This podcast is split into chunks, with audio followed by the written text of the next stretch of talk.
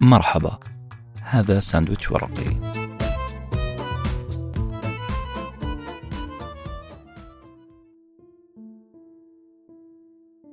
انتقلت إلى الولايات المتحدة في 2007 لأعمل في قسم المشروبات والأكل في فندق أربع نجوم في فلوريدا. ونصب عيني أن أبني حياة جديدة مع ستيفان بعيدا عن حياة انسجمت معها أو بالأصح تعودت على رداءتها تمام التعود. ستيفان عمل المستحيل بأن قراري بالسفر معه كان قرار صائب. لكن وللأسف ما قدرت أعطيه الانطباع بأني أقدر له محاولاته لأني فعلا لم أستطع الاستمتاع بالحياة الجديدة في أمريكا. أنا أخذت بعيدا عن عش الصغير المليء بالديدان لكنه عش عشت فيه كل عمري. أعتبره ورغم كل السوء اللي فيه مكان آمن. على الأقل تعودت على الأذى اللي أتلقاه هناك. ولن أتلقى نوع جديد من الأذى في مكان جديد. ومو بس كذا. تقول له مينيتا لأني ما قدرت أتأقلم مع الحياة الجديدة في أمريكا. فوجئت بأني بدأت أرى رومانيا أجمل. الحياة هناك أجمل. أكثر سحرا وألطف. عدم قدرتي على التأقلم جعلتني أرى القبيح جميل والجميل قبيح. هذا الجمال وهذا القبح يزداد كل يوم يمر علي في أمريكا. بعد ما كنت أنا وستيفان نعامل بعض باحترام أسابيع من الاحترام والمودة والعطف انقلبت إلى نكد. بدأت ألوم ستيفان ليل نهار. ليه جبتني هنا؟ نعم لم أكن أقصد اتهامه بل التعبير عما أشعر به في صياغة السؤال. سؤال لستيفان. مو شايف كيف أعيش حالة مزرية في هذا المكان؟ مو شايف كم النكد اللي أنا عايشة فيه؟ ما كان لازم أسمع كلامك. كنت ولا زلت غبية وأصدق كل كلمة تنقال لي. الحقيقة المرة هي أنني ما قدرت أتأقلم مع نمط الحياة اللي أنا فيه. تحولت إلى نسخة مستنسخة من والدي. فعلت ما كان يتقن فعله. رمي الألم على الآخرين. لوم الآخرين. على كل معاناة أنا أعانيها باختصار أنا أسقطت غضبي على الشخص البريء الوحيد في حياتي. ستيفان. ألوم ستيفان اللي قاعد ينتشلني في كل لحظة. ألومه على بؤسي. اللي حصل أني فقدت سيطرتي على أفكاري. مشاعري سلوكي وتصرفاتي. الماضي بدأ يحركني كدم المسارح.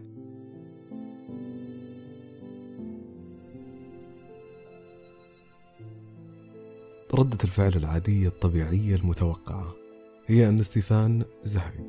بل يأس يأس من المحاولة معي. صار يقضي معظم وقته على الكمبيوتر. أصبح يتجنب الجلوس معي وسع المسافة بيني وبينه.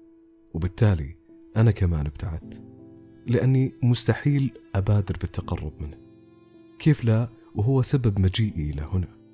ما كان عندي حل الآن إلا أني أغرق نفسي بالعمل ليل نهار.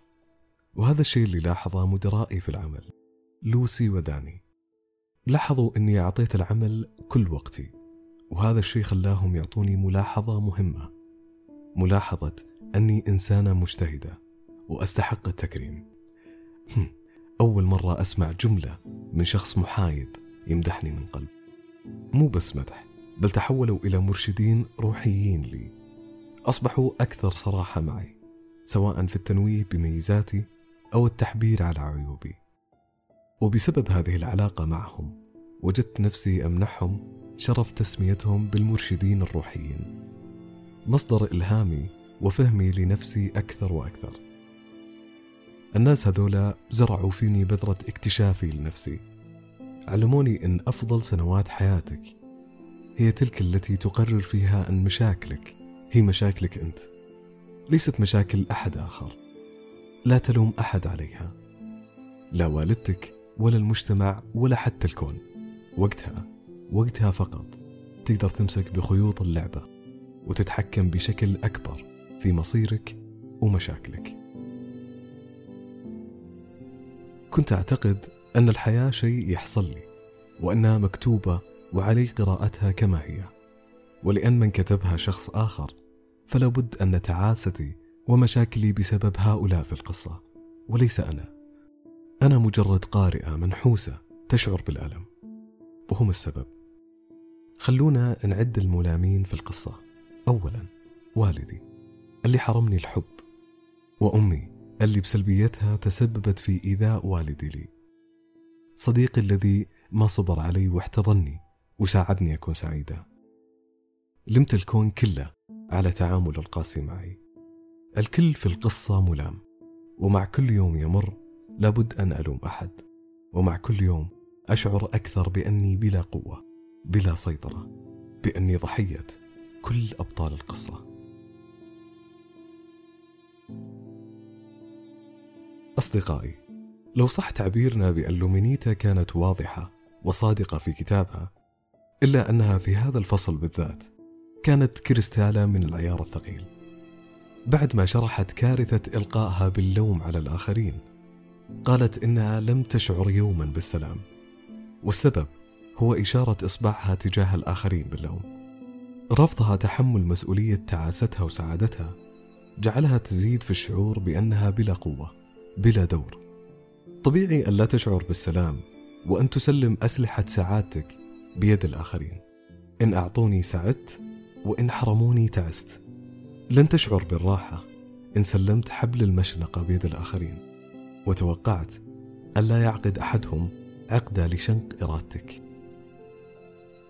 ماذا عن الناس الأقرب لي؟ دائرتي الصغيرة ماذا لو كانوا هم السبب في تعاستي؟ لو دلونا على طريق خطأ لو ربونا خطأ لو خفضوا منسوب الحب والاحترام إلى أن تتقرح معها أراضي الثقة داخلنا. حتى لو عشت سوء التعامل في المدرسة التجاهل في عش الزوجية والطعنات في كنف الصداقة. كيف أن نصل لنقطة أنني أنا المسؤول عن حياتي وعن وجهتها؟ نعم في حالة ماضية كنت صغيرة وكان يمارس علي هذا التجاهل. الآن أنا أمتلك وظيفة ووالدي توفى وبيدي قرار أن أفرض احترامي وتقديري على الجميع. انحرمت من الحب زمان. الآن أنا عرفت أني أستحق الحب وأن من حقي أن أعيش الحياة التي أريد وأن لا أعامل بتجاهل أو لا استحقاق.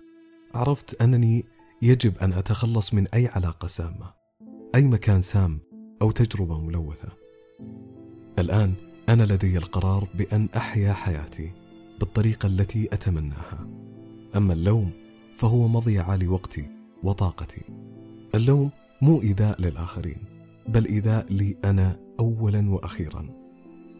أنت راح تضيع وقتك وتوجه طاقتك في تبرير اللوم بدلا من معالجة جراحك والمضي قدما في حلولك الجديدة. لو استمريت في لوم الظروف الخارجية فأنت أشبه بالمدعي العام اللي وظيفته يثبت تهمة والسلام.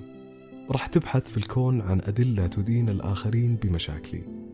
أنت خصصت وقتك لمعركة ما هي معركتك؟ لو كانت معركتك هي بناء نفسك ففعلا أنت في معركة ما هي لك. أنت الناس كلها همك إلا نفسك ما تهمك. السؤال المهم الآن كيف أتخلص من عادة اللوم؟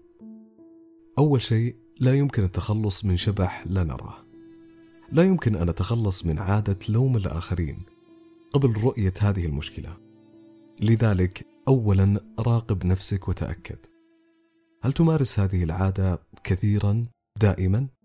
هل تنظر لحياة شخص آخر وتقول ليش مو أنا؟ هل ترى أنك تستحق ما حصل عليه شخص غيرك؟ أنه اندعم وأنه حصل على فرص لا يستحقها لحظة أنت هنا مشغول فيه مو بنفسك. هل تلوم أصدقائك بأنهم لا يستحقوك وأنهم كذابين؟ جميل جدا قد يكونوا كذلك. لكن المشكلة في اختيارك لهم. مسؤوليتك اختيار أصدقائك بعناية. إن كان المثل يقول حرص ولا تخون فهذا اللي المفروض ينعمل. والحرص لا يعني أن تعتبر المجتمع خائن. هل تلوم اقتصاد دولتك الإعلام المجتمع وعاداته أنك ما عشت الحياة اللي المفروض تعيشها. أوكي أنا معك إن كل اللي تقوله صحيح. بس صيد هذا اللوم وسامح من قلبك. مو شرط تكون ملاك طاهر وتغفر للجميع غلطاتهم لكن المهم أنك ما تجعل ملفاتهم حياتك.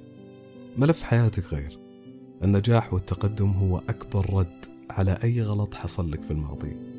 أن تتحول من شخص إلى شخص كائن الآن. بالطريقة اللي يحب أن يكونها. هو مشروعك أنت ولا الأحد من اليوم ورايح أي مسؤولية عن تحقيق هذا الشيء.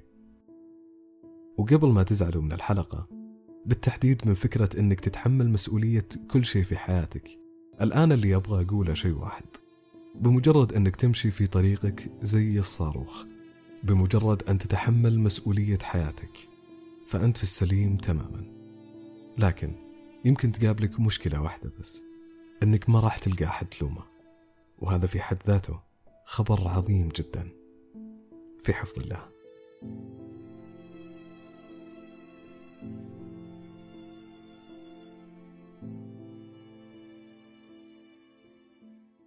كنتم مع ساندويتش ورقي وجبة معرفية نتشارك لذتها.